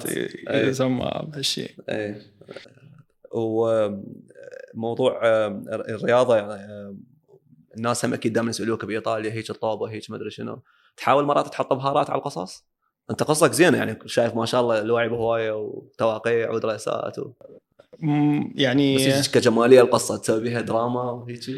لا مرات من جواب تجاوبه أكثر من مرة إيه. تحس إنه يريد يسمعون أكثر. مثلاً. ثانيا مثلا إيه. أول أول ما عشت بإيطاليا فترة ورجعت أكثر من شخص سألوني ما حد جاك من المافيا؟ قال لك انتمي النا وقع هيك سوي هيك. فأنت ورا مرتين ثلاثة تقول لا. تبدي تحس إنه أنت تمنحهم ملل بدل ما تمنحهم جواب زين. وأنا بعدني أمنح ملل على حساب إني ألف قصة. إيه. بس تصير هواية هيك لأنه إيطاليا بهاي البلد هاي الصورة ال- الفانتازية اللي تحمل أي إضافة أي شيء غريب أي فتقدر بحرية تتحرك تألف. هاي إيه. الأمور بس مو من اهتمام يعني للأسف. يراد لها على قولة يراد لها ذاكره زينه إيه. حتى لا ترجع تناقض نفسك فيها عدا موضوعها أي. ويمكن سؤال الآخر همين على الطوبه. وإيطاليا هم يقول لك جيب لي مثلا من فلان لاعب توقيع ال- الوعيب صعب يعني تلتقي بهم بإيطاليا آه. كلش لأنه عايشين بغير اماكن مو بالمدن وشقة وغيرها والملعب لذلك من يسافر الفريق عادة بأوروبا أو خارج أوروبا يكونون يعني مترهين أكثر يطلعون من الفندق يفطرون بالمدينة فال ال- يعني الإيطاليين المشجعين من يعرفون الفريق مسافر غير مكان يجوز يروحون حتى هناك تصير. فرصة أكثر ما بالمدينة اللي تلتقي به. آه، وموضوع المقتنيات الإيطالية ال- ال- الكروية يعني جانب بي فني. شلون الشخص يقتني لوحات غيره أنت عندك دريس موقع من فلان عندك كرة موقع فلان يعني تحس إنه الموضوع هو موضوع مو بس نفسي تشجع فلان فريق أنت تريد عندك هالقطعة الفلانية تعلقها وهالذكرى الفلانية أو التاتو أو غيره. فهمين يعني مرات أحس ينظر لها بسطحية إنه طوبة وغيره بس أي. أنت قطعة فنية هاي يعني الدرس مصمم وأكو كذا مقترح له وهذا ال sponsor مالته كذا شركة رياضية وصلوا لهاي النماذج وانطرح بهالسنة بس فلان لاعب بعدين وقع عليه فأكو أكو أكو أكو قيم أو أو تراكمات يعني مو زين البنات شو يسألوك على إيطاليا؟ الولد يسألوك على الطوبة البنات شو يقولوا لك على إيطاليا؟ شو يسألوك؟ مو على الطوبة أكيد 100% ما حد راح يشوف. هاي ال- ال- الحكي على من صار على الطوبة آه إي الأماكن الاسئله طبيعية أماكن السياحية أماكن أي. الترفيه أماكن ال- ال- الحفلات. أو أماكن يعني أو إذا أكو كونسرتات معينة ها- هاي عادة أماكن الاهتمام والأكل أو على الأقل أعرفهم آه، okay. يسألوني زين إي الأكل موضوع آه، مغالطة هواية. لأنه تتصور أنت مرات بالقرب من السنتر تلقى أفضل الخيارات وهو مرات صحيح ومرات مو صحيح. بس يراد له يعني درجة بحث شوية أعلى. آه، لأنه ال- ال- البيئة الإيطالية يعني غنية بتربتها وغيرها فأكو مطاعم مدن يجيبون موادهم من مزارعهم الخاصة أو يعتنون بالحيوانات بالطريقة المعينة فتنطي قيمة أكثر لهذا المكان. فهو مو بس مكان يطبخ زين يعني لازم تعرف القصة اللي وراه. دا أحكي هيك واني يعني معرفتي كلش بسيطة بهذا المجال كمتابع فقط أو كشخص عايش. بس لهذا ال level أنا كان عندي أعرف زميلات اثنين من فلورنسا بميلانو ما ياكلون لحم wow. ما يقولون لي اللحم ما نعرف هذا الحيوان شلون يعاملوه. إحنا نأكل فلان فلان مطعم لأنه أبقار يعني مو مو بأقفاص. مم. ماكو هذا التعذيب كحقوق مم. ك انه الحيوان عنده مشاعر اللي هو يحس بالألم يحس بالفقد ويحس بغيرها. ف أكو اختلاف المعايير لو بالموضوع يجون يمنا يأكلون البيتزا بالشاورما. والدبل هاي كلها.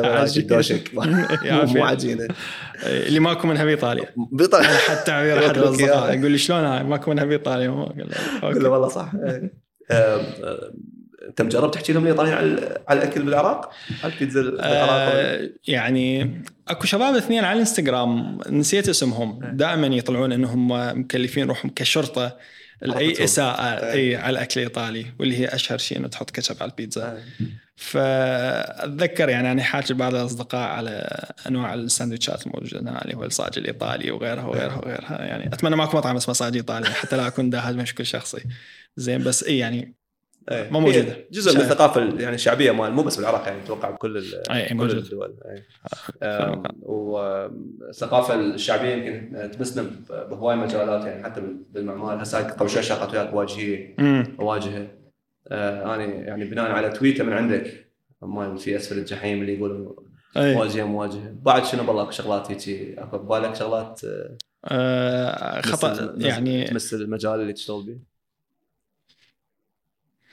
يعني دائما أنا هم كنت هاي اغلط بيه بس بسبب. الترجمه لأن الدراسة تكون بغير لغه إنه هي الخارطة غير المخطط اكو يعني مفهوم أشمل الخارطة وغيرها المخطط يختلف واللي يسموها يعني هاي واحدة من ال-. الأشياء اللي يمكن تكشف لك شيء إنه أنت لما تحاور واللي هو لا بس إنه مو. لازم يكون خبراء بكل المجالات. بس حتى تعرف شلون ترسم أرضية مشتركة حتى النقاش يكون بها يعني تقنع به إنه هذا لازم ما يمشي بهالطريقة الموضوع لازم يمشي بهالطريقة.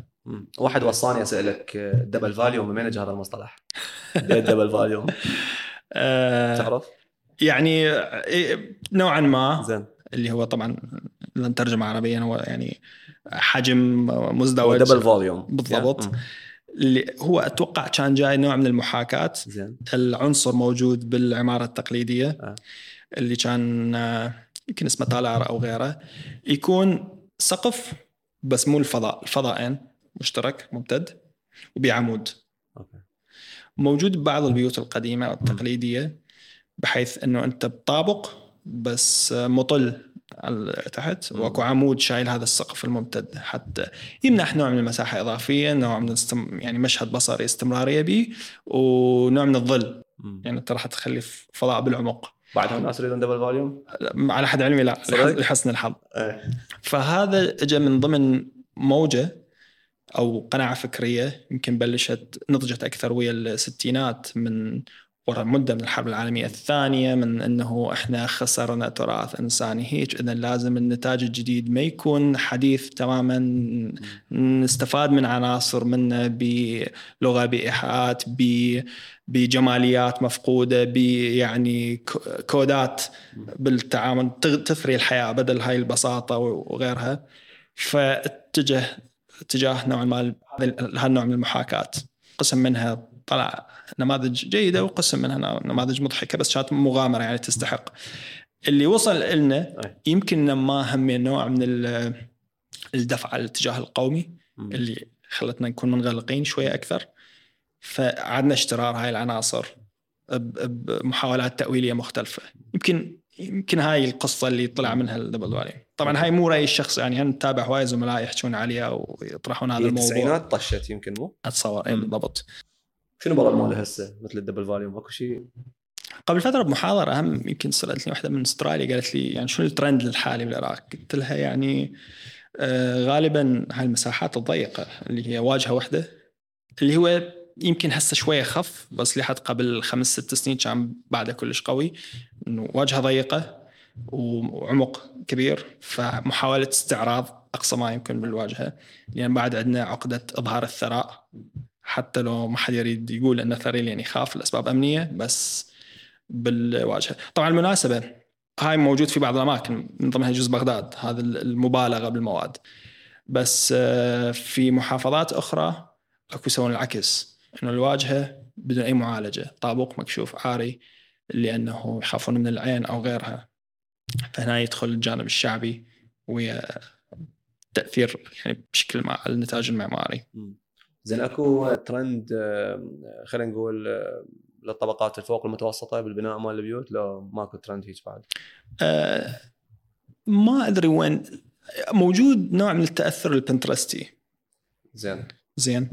كلش آه، Pinterest ي من موقع Pinterest وال okay. مم. منين يجيبون هاي التصاميم مال مال يا دول؟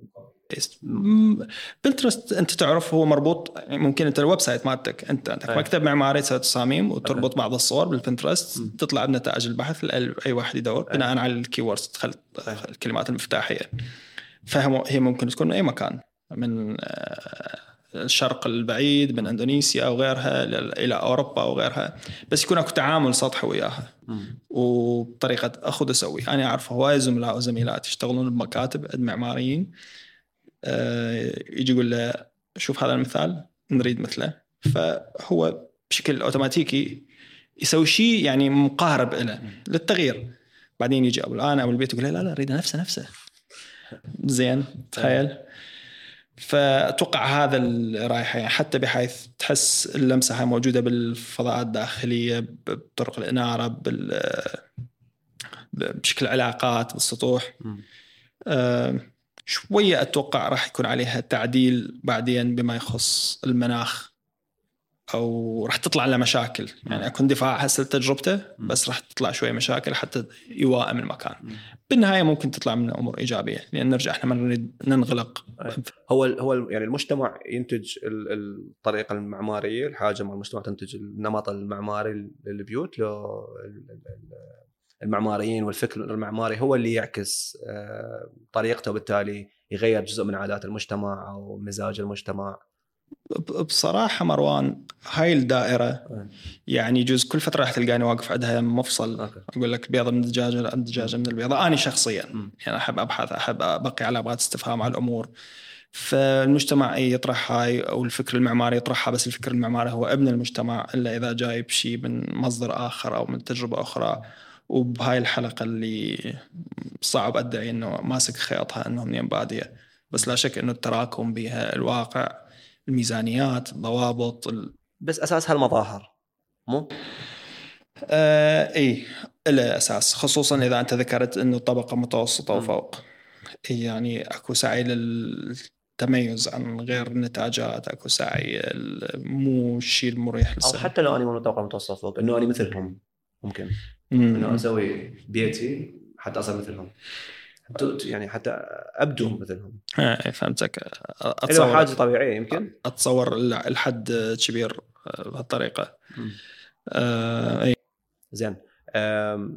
إذا أسألك على البيوت البغدادية القديمة. أرجع لها هسه ما دام نحكي بالمدينة.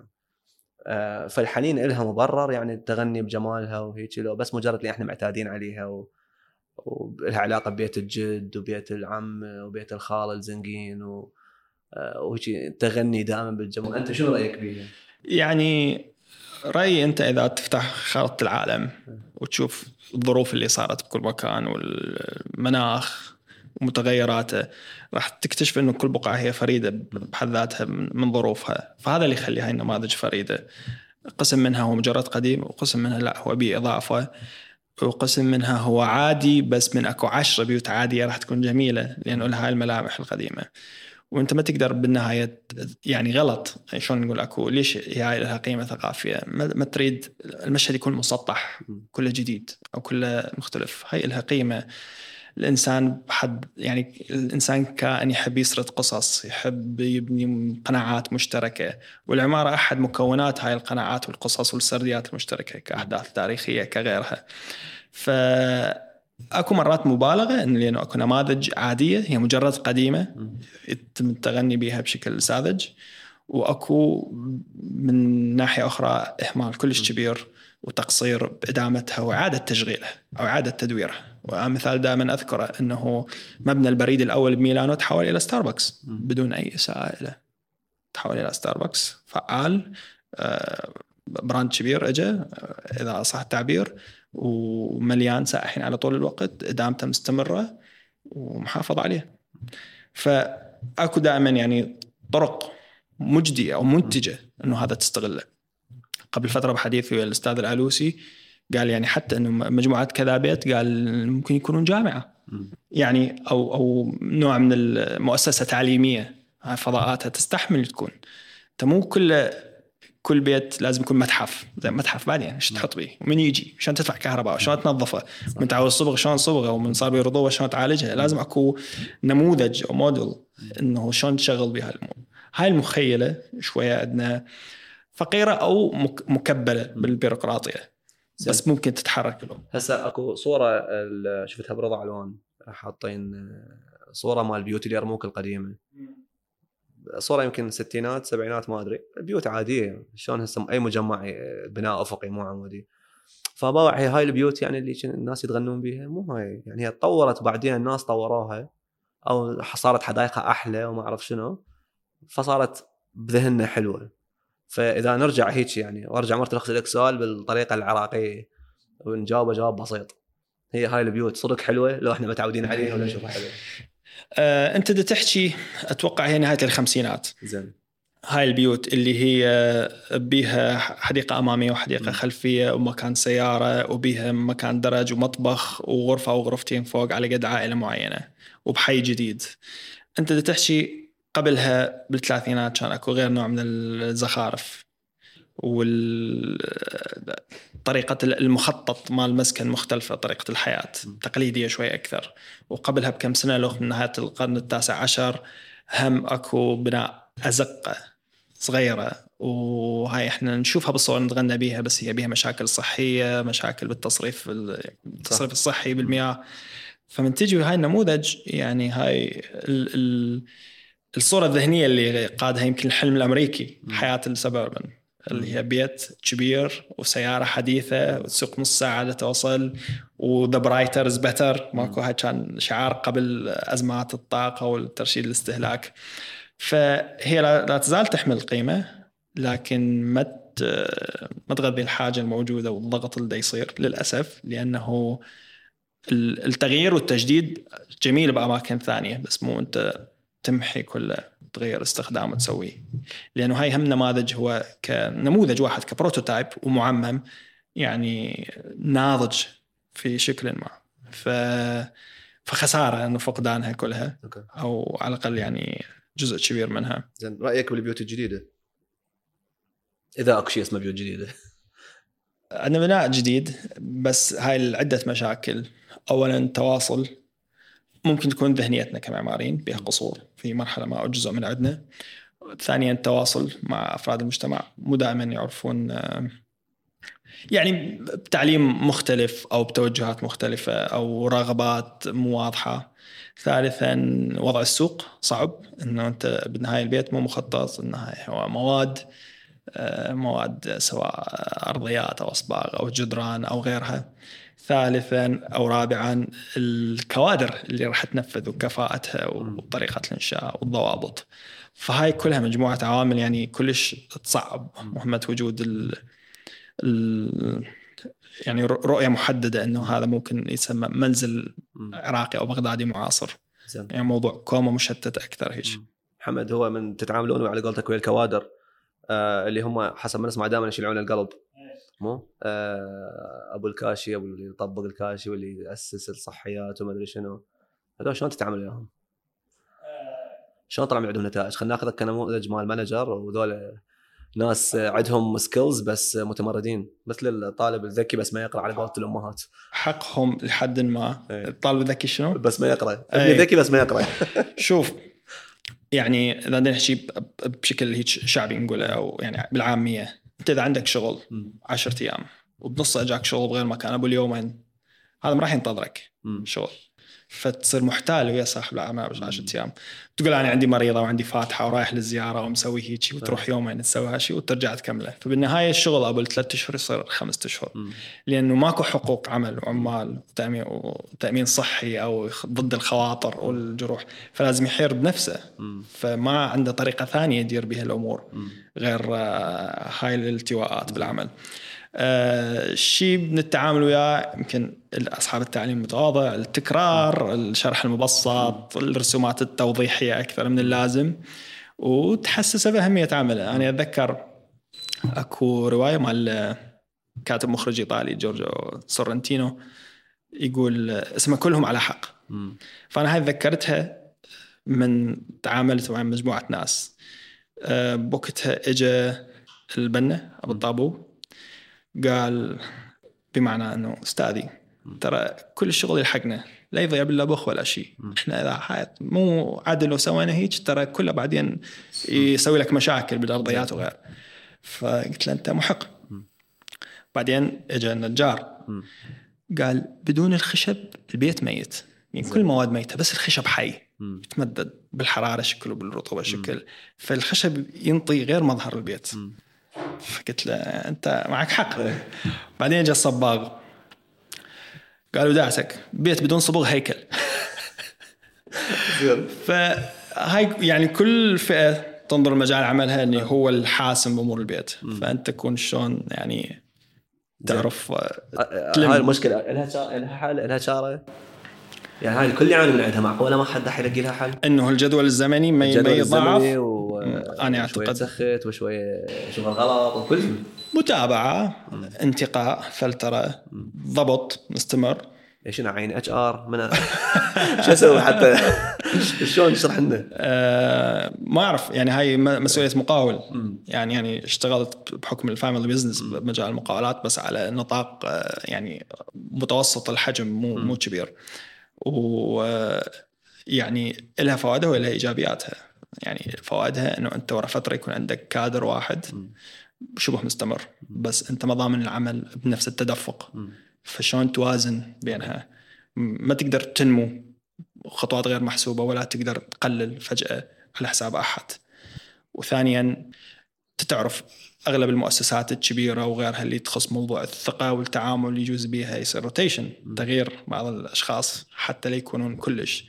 فهي هم مشكلة ثانية من أنت عندك أشخاص ثابتين بمجال معين لمده كلش طويلة. هي تخلق ثقة من جهة بس من جهة تسهل أنواع ثانية من يعني الالتفافات اللي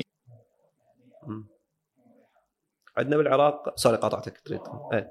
آه، عندنا بالعراق أنا أعرف برا أكو هيك شيء يعني شايف وقاري ومرات بالمسلسلات يطلعون آه، إنه عوائل هم يمتهنون فد مهنة مثلا شلون صباغ أو يعني المتسلقين مال آه، ناطحات السحاب وتستمر الأجيال فأكو هيك شيء بالعراق بحيث يعني واحد يعرف إنه بيت فلان ويروح ياخذ من عندهم ال- العمال أو أصحاب الأختصاص.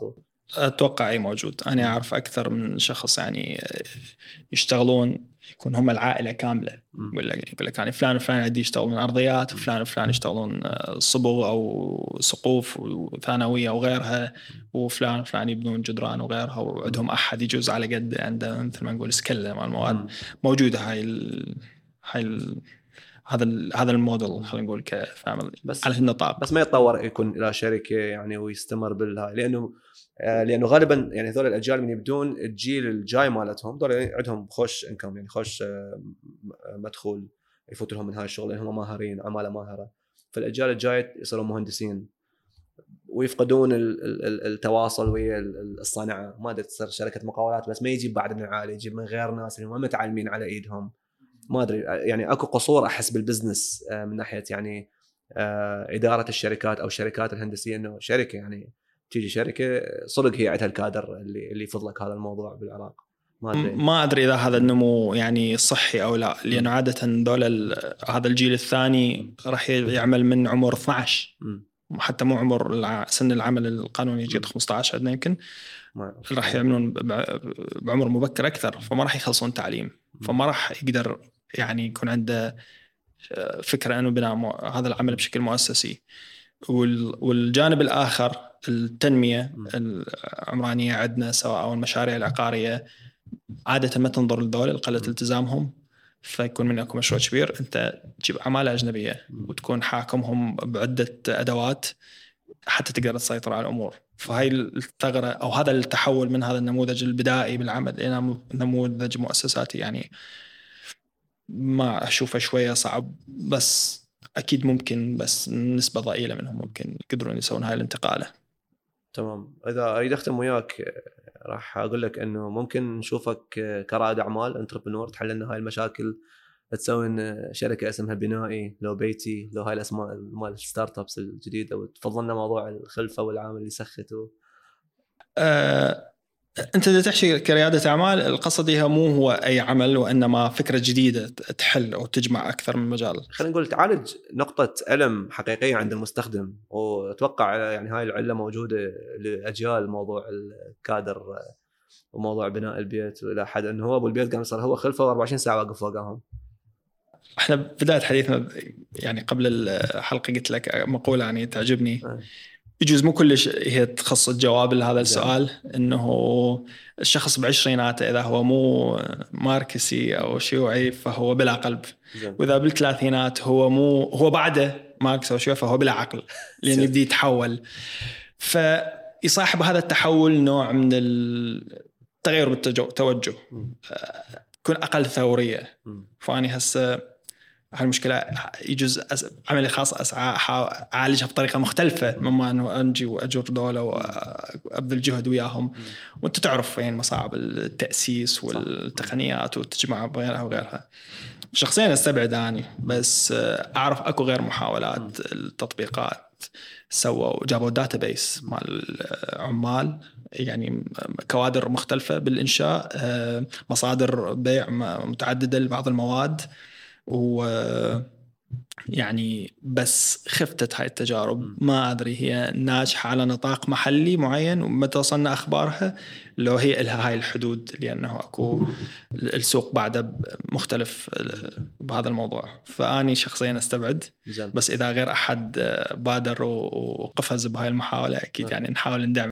بما إنه أنت شخصية شعبيتها لا بأس بها بال social media فخلينا نطلع وياك reel اعطينا آه، نصيحتين أو ثلاثة لأي شخص آه، دا يبني أو يفكر بالبناء هسه. آه، خذ وقتك يعني خلينا نقطعها وراها. الجواب مالتك نسويه. فعندك هيك نصائح؟ آه، إحنا بدنا نحكي عن البناء بمفهوم المحدد. اللي يخص البيوت. إيه. يعني بدنا نحكي عن البناء المنازل السكنية إيه. بالمساحات المتعارف. عليها المتداولة. بهاي القيمة. ف يعني أكيد ال 3 دي أفضل من 2 دي والفيديو أفضل من 3 دي واحد لازم يعرف المشهد اللي دا يتعامل وياه بشكل يومي. هل هو هذا اللي يمثله؟ هل هو هاي طريقة الحياة اللي يريدها ولا لا؟ حلو. زين ما راح أحكي كمعماري انه احترم المعماريين. وأجورهم وعملهم لأن هذا الشيء مهم. يعني ولو من هاي المنصة لازم نعيد نكرره. يعني وفاء لاصحاب المهنة مع انه من يقصرون اصحاب المهنه إحنا نحكي يعني عندي انتقادات على المجتمع المعماري وعمله يمكن قلت بعضها اليوم. هاي ناحية.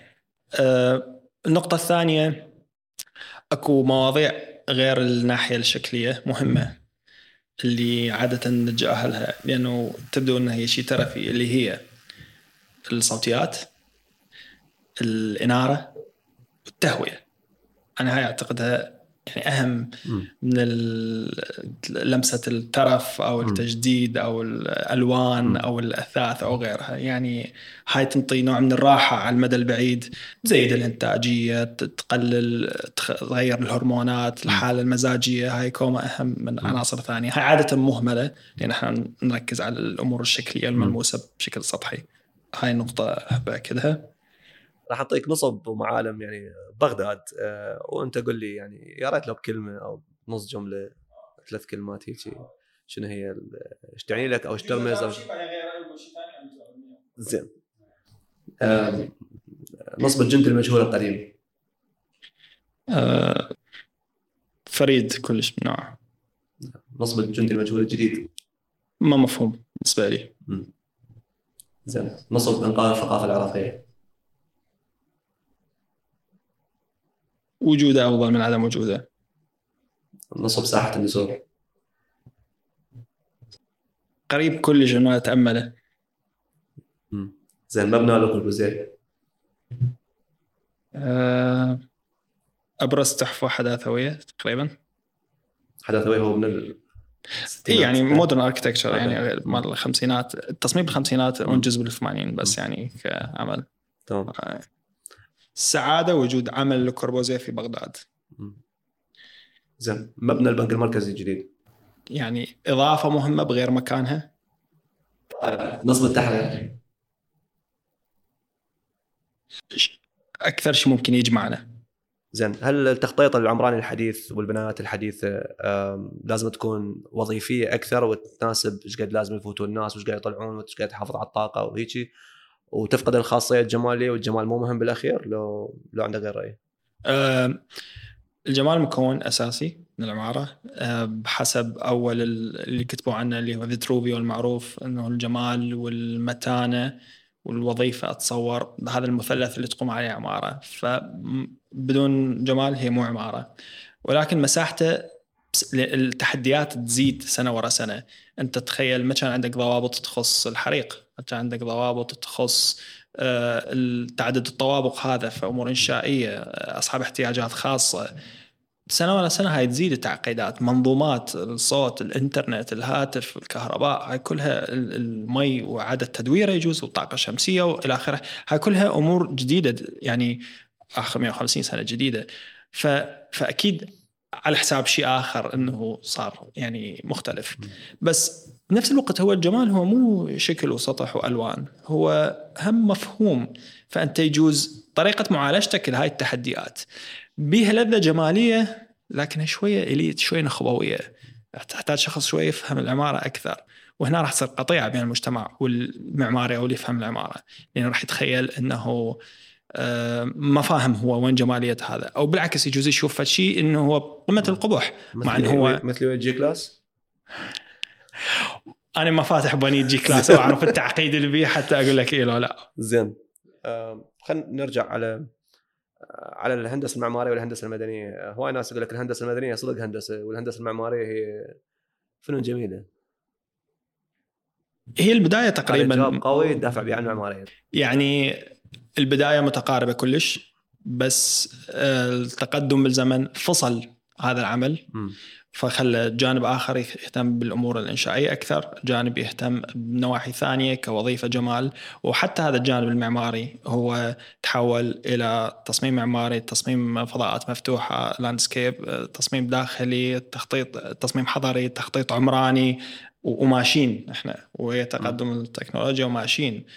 فهل هو هندسه؟ هو يعني هندسة هو قائم على أمور ملموسة، قائم على حسابات يعني يجوز مو بالتعمق. ماكو أحسن بس ماكو دور بدون دور مم. أصلا يعني معماري العمل المعماري بدون مدني إلا حدود معينة مم. لأن أكو تحديات تطلع به لازم تحتاج مدني والعمل المدني بدون معماري غالبا ممكن بس ما تنطي الإضافة. اللي طورها الإنسان اللي هي هاي حاسه ال ال ال النضج اللي وصله بمعنى الأماكن والعمق بها غير الجماليات. فهنا راح تكون يعني ماكو أي مخيلة بالموضوع. زين يعني المهندس المدني هو عملي أكثر وما يعتمد على الذائقة والجمال وال وفهمه يمكن للفلسفة شوية وللتاريخ شوية لأن إذا اليوم أقعد ويا مهندس مدني حيجاوبني نفس أجوبتك؟ غالبا لا لأنه محكوم برياضيات أكثر. بتجارب بعوامل سلامة وسيفتي فاكتورز وهالقد بالمية وفحوصات تربة واللي هو شيء يعني كلش مثمن أنا من الناس بشغلي ويا المهندسين المدني خطوة خطوة أسألهم بحيث أحد الاستشاريين اللي أشتغل وياه يقول لي أنت تدوخ هواية بأمور مدنية لا تسوي اللي تريده واني أرتب لك إياها. فهذا هم مهندس مدني بس ما ماكو صدام وياه. بالعكس يعطيك دور رسم الرؤية اللي ببالك وهو يحل هاي الأمور بمعرفته بعدين ينصح بكذا وكذا. واكو العكس يكون تماما. بس يعني آه، المعسكرين خلينا نقول أكو سوء تواصل. آه، أحيانا أعتقد أنا ما متأكد من هاي المعلومة بس إنه المعماريين يتواصلون بصريا هواية. فيجوز آه، كحديث كلامهم هواي يكون ما مفهوم. يجوز أنا من الناس بديت يعني أوقع بهذا المطب. إنه نحكي مفاهيم عمومية فتكون شوية مو واضحة مرات. هو المعماريين دائما هيك تحسهم شوية نخبويين اليتست أكثر و... وهيك يعني ما مفهومين و... ومرات نحن ندوخ يعني هو صدق يعني هذا شخصيته هيك لو دي دي دي يمثل عليه يعني جزء كبير آه. من دراستي يعني اباع على الاساتذه يقول؟ قصده إيش شلون. وموجوده هاي الجانب آه، لأنه أنت جزء تحكي على مساحة معينة بس. يجوز هو ينظر للإقليم ككل إقليم بمعنى انه territory of فلان يعني. بمظاهر محددة مو بالمعنى ال- بالضروره يعني. السياسي فأنت ما تعرف على أي مقياس دا يحكي يعني هي هي المشكلة هنا أو المشروع هنا بس حله يبدي منه أوكي من غير طريق فهاي هاي العمومية بال هي اللي تخلق هذا يعني سوء الفهم أو ما تعرف الأرضية المشتركة اللي نحكي عليها وين أوكي. راح أسألك سؤال ما له علاقة بال- بالنسق اللي نحكي به إحنا هسه بس أنت ذكرته أرد أكد عليه. ذكرت قلت المعلم ما قلت بس المهندس أه، ف mentor خلينا نقول. ال- ال- ال mentorship اللي حصلته أم، شنو كان أثره عليك ودوره بحياتك؟ آم، هاي يعني بكل فترة هو راح يكون شخص محدد. وفي مرحلة مثلا مثل الحاليه هو ممكن يكون شخص يوتيوبر. مم. يعني خبره السنة الفلانية في فلان مجال عمل وأنت هي حانت المرحلة إنه تحتاجه فمثل الشعلة. السباق الأولمبي كل فترة راح تتمرر الشخص. فكون أنت تعرف وين أكو كان مقولة يعني نوعا ما مطمئنة بس هاي الطمأنه اللي هي مبنية بدون أي سبب عقلاني اللي يقول لك أنت من تكون جاهز يظهر الأستاذ للوجود. ما بها أي أساس طبعا بس لا حلوة. بس وجود شيء تستند عليه فترة معينة أستاذك شلون وجدك؟ ها أستاذك شلون وجدك؟ أنا اللي دورت اي حلو اي هو هاي الطريقة اللي يعني.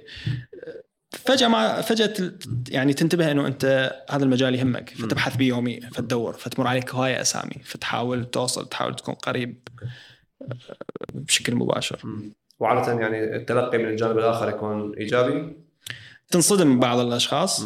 إنه هم ما حاسين بقيمتهم. مم. يتعامل وياك إنه كشخص يجوز حتى ند أو يعكر عليه ما يعرف إنه أنت تنظر له نظره كبيرة. أنت ما تقارن أنت ما تريد شيء أنت بس طمعان يعني برؤيته. أكو أشخاص يعني يكونوا منغلقين للأسف. و- يعني مفوت على نفسه. أوكي. وأهم معلم يمكن هو المعلم اللي تحصل بالعشرينات أو شيء على الثلاثينات. كل شيء اتفق. أنت يعني. كل شيء اتفق. بهاي المرحلة الانتقالية عادة الشخصية يمكن تشكل بوقت يعني مبكر أكثر من 18 بس مرحلة جامعية يمكن تهز وبعدين يدخل عليك صفة معينة اللي هو أنت المختص أو دارس التخصص الفلاني فحتى تاخذ هاي ال- ال- المرحلة ملامحها. اي راح تحتاج هاي الاضطراب وأنت أثر عليك يعني آه، هذا الموضوع موضوع المرشد أو ال mentor آه، يعني حتى اللي يسمع يعرف إنه كأسامي؟ كاسم انت اللي ذكرته بالتحديد انه هل اثر عليك يعني بطريقة جذرية بحيث يسوى الموضوع انه أنا راح ادق البيبان أشوف اخر شيء منه يصير. مالتي آه، مرات هي مو إضافة وإنما السؤال تطرحه مجرد يعكسه مم. زين فيغير لك مثل ما نقول ال mindset. زين مثلا آه قل لي مثلا اكتب عن الموضوع الفلاني. قلت له أنا ما أقدر أكتب عن الموضوع الفلاني لأن مزاير هاي المنطقة أو المعلم أي. قال لي ليش مزايره؟ قال لي إذا اكتب عليه وإن سيء لأن ما صارت فرصة تزوره. تفهم؟ إيه. فهو ما نعطاك معلومات عليه أو. كتاب يخص تاريخه أو غيرها بس تجربتك الشخصية من شلون هسه إحنا أو أنتم أنا ملاحظ بتجارب همين أنا مو مو بالضرورة أحكي شيء ملهم. يجوز أحكي شيء عادي بس هاي خلاني هيك أسوي هي هاي نوع هاي فرق التجربة إنه أنت ليش ما صار هيك صار هيك. فإنه أنت مو انت لازم تعرف هذا الموضوع حتى تحكي عنه أو تشتغل به وإنما أنت ليش ما صارت لك أصلا مناسبة تروح فرضا ملعب الشعب؟ اذا أكو مشكلة بالنقل أكو مشكلة بغيرها وغيرها وغيرها. وهم يجوك ناس يريدون عندك إرشاد أو يعني مرات أحس يعني واحد يقول ها شو انت يشتغلني؟ يقول لي شو ماكو اللي تعرف بس أحس إيه يجون رجال أحس بها مسؤولية ما أحاول اللي يجيني بثلاث أسئلة أحاول أخليها عشر أسئلة وهذا يجوز شيء مربك لهم يجوز بعدني مو بس آه، أحاول أوضح إنه إحنا كلنا بهاي الرحلة يعني بعدنا نتعلم. مع إنه هاي مشكلة بسوق العمل العراقي.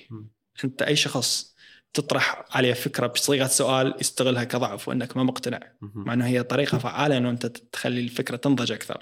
فتبدي شوي شوي تصير إقصائي. ما تقول شنو رايكم نسوي هيك تقول هذا أحلى يصير هيك كون إقصائي برأيك. هاي في كل شيء السلبيه لازم نتجاوزها عادة بالبيئة العمل الصحية إنه شنو رأيكم نسوي هيك يجيك شخص يقول يثني عليك على نقطتين إيجابية بهذا المقترح بعدين ينطيك النقطة السلبية. تكون بمرونة تتقبلها.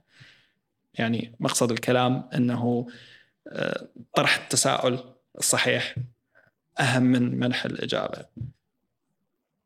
آه، هسه أنت من كتبت الكتاب وانباع آه، بنسختين يعني كدخل مادي هذا يفيد يعني شنو شنو الموضوع؟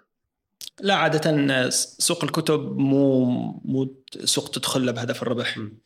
إلا إذا في مجالات معينة يكون لها استجابة يعني خلينا نقول مال جمهور واسع واللي هو أشك به موجود ودا يتناقص يمكن سنة ورا سنة في ال social media وقت القراءة وغيرها آه، عادة اكو اتفاقيات يكون لك نسبة من النسخ أو المبلغ اللي يوازيها اللي هي تتراوح من 10 إلى 30% عادة يستقرون على 20% بس آه، هو كأداة يعني يفتح لك آفاق يخليك آه، يعني ي- ي- يعطي صورة ذهنية عنك فتكون آفاق عملك يعني واضحة أكثر أو الناس تتعامل وياهم عارفين أو يجوز قاري لك فيعرفون أنه أنت أنت فت بهاي النواحي بالعمل. يعني مو ممكن واحد آه، يطق يطق من ورا كتاب. لا مو يعيش يعني يطق من ورا كتاب. يعني شنو الإحصائية مال الشركات؟ يقول لك ورا كذا سنة 10% من الشركات بس باقية مو؟ فأتوقع أقل يعني. آه، من بين أوكي. كل ألف كتاب أكو شخص يعني. شباب لا عاد أحد يكتب كتاب ذا هيك خسران طلعت الشغلة.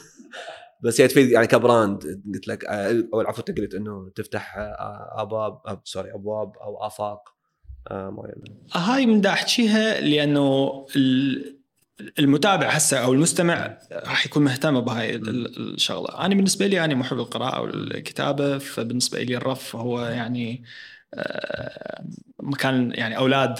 زين سواء كتاب أو عندي كتاب هم ترجمة. من الإنجليزي وأعمل على نص كتاب آخر من الإنجليزي وكتاب الآخر من الإيطالي بس هاي مشاريع نوعا ما مؤجلة. فهي متعة شخصية بس منتجة. مو خاسرة بس مو مربحة أوكي. يعني هذا الهدف اللي يكون إنه دائما حتى يكون أجمل ما قيل في كتابك عن كتابك عدا ذاك اللي قال توك ذاك. إيه. يعني صدق هذا كتابي؟ بس يعني ما بدي أقول منه القايل. يجوز إيه. يعني لا أكثف ب- إيه. أسامي معينة دون غيرها بس إنه صار برؤية بانورامية للمشهد المعماري بمحاولة الخلق تواصل واضح يضيع نوع من الغموض من الحكي المعماري. ولو اليوم أنا جزء سويت العكس بهذا البودكاست. أتوقع كنت يعني أحكي بشكل عموميات. يجوز بعض الكلام يجوز مو واضح للكل. هاي كانت أمور مهمة بالنسبة لي والنقطة اللي هي تجربتي بإيطاليا ما بقيت بيها منغلق على نفسي وإنما حاولت أفهم إيش يصير هناك وأتفاعل وياه وأكتب عنه. هاي كانت مهمة إن إني أدركها من الكتاب عنه حتى أعرف إنه وإلا ليش رحت. إذا أنت ما, ما تغير شيء أو تراجع عائلتك إيش قال لك على الكتاب هيك يعني جمل مثيره للاهتمام يعني والدتك قرأت الكتاب من الغلاف للغلاف؟ لا ثلثه وقفت اللي. قاري على الفيسبوك يجوز الله شلون أنت آه إيه. شي ه- هذا المشهد اللي هو هم شايفه بفيلم آه. اللي يقول لك إنه اللي يكتب يتخيلوا الناس إنه الأفكار تجي براسه واحدة بينما هو من يبدي يطرح نفسه ككاتب يجوا الناس يهدوا قصص. مم. وهاي حلوة هاي تفيدك هاي سجلها هاي ما أدري شنو هاي. يبدون يهدوك هالشيء فهاي ناحية إيجابية ثانية لك. أو أي واحد يريد يحكي لك موقف إيه. يقول لك بس لا تنشر عليه ولا تكتب. يعني ماكو يتحاشاك نوعا ما. هاي من الأمور ال- الممتعة اللي تصير وياه شكرا محمد آه، على وقتك معنا اليوم. تونسنا بالحكي ونشوفك بخير. شكرا مروان. أنا سعيد كلش ولا متابع الجو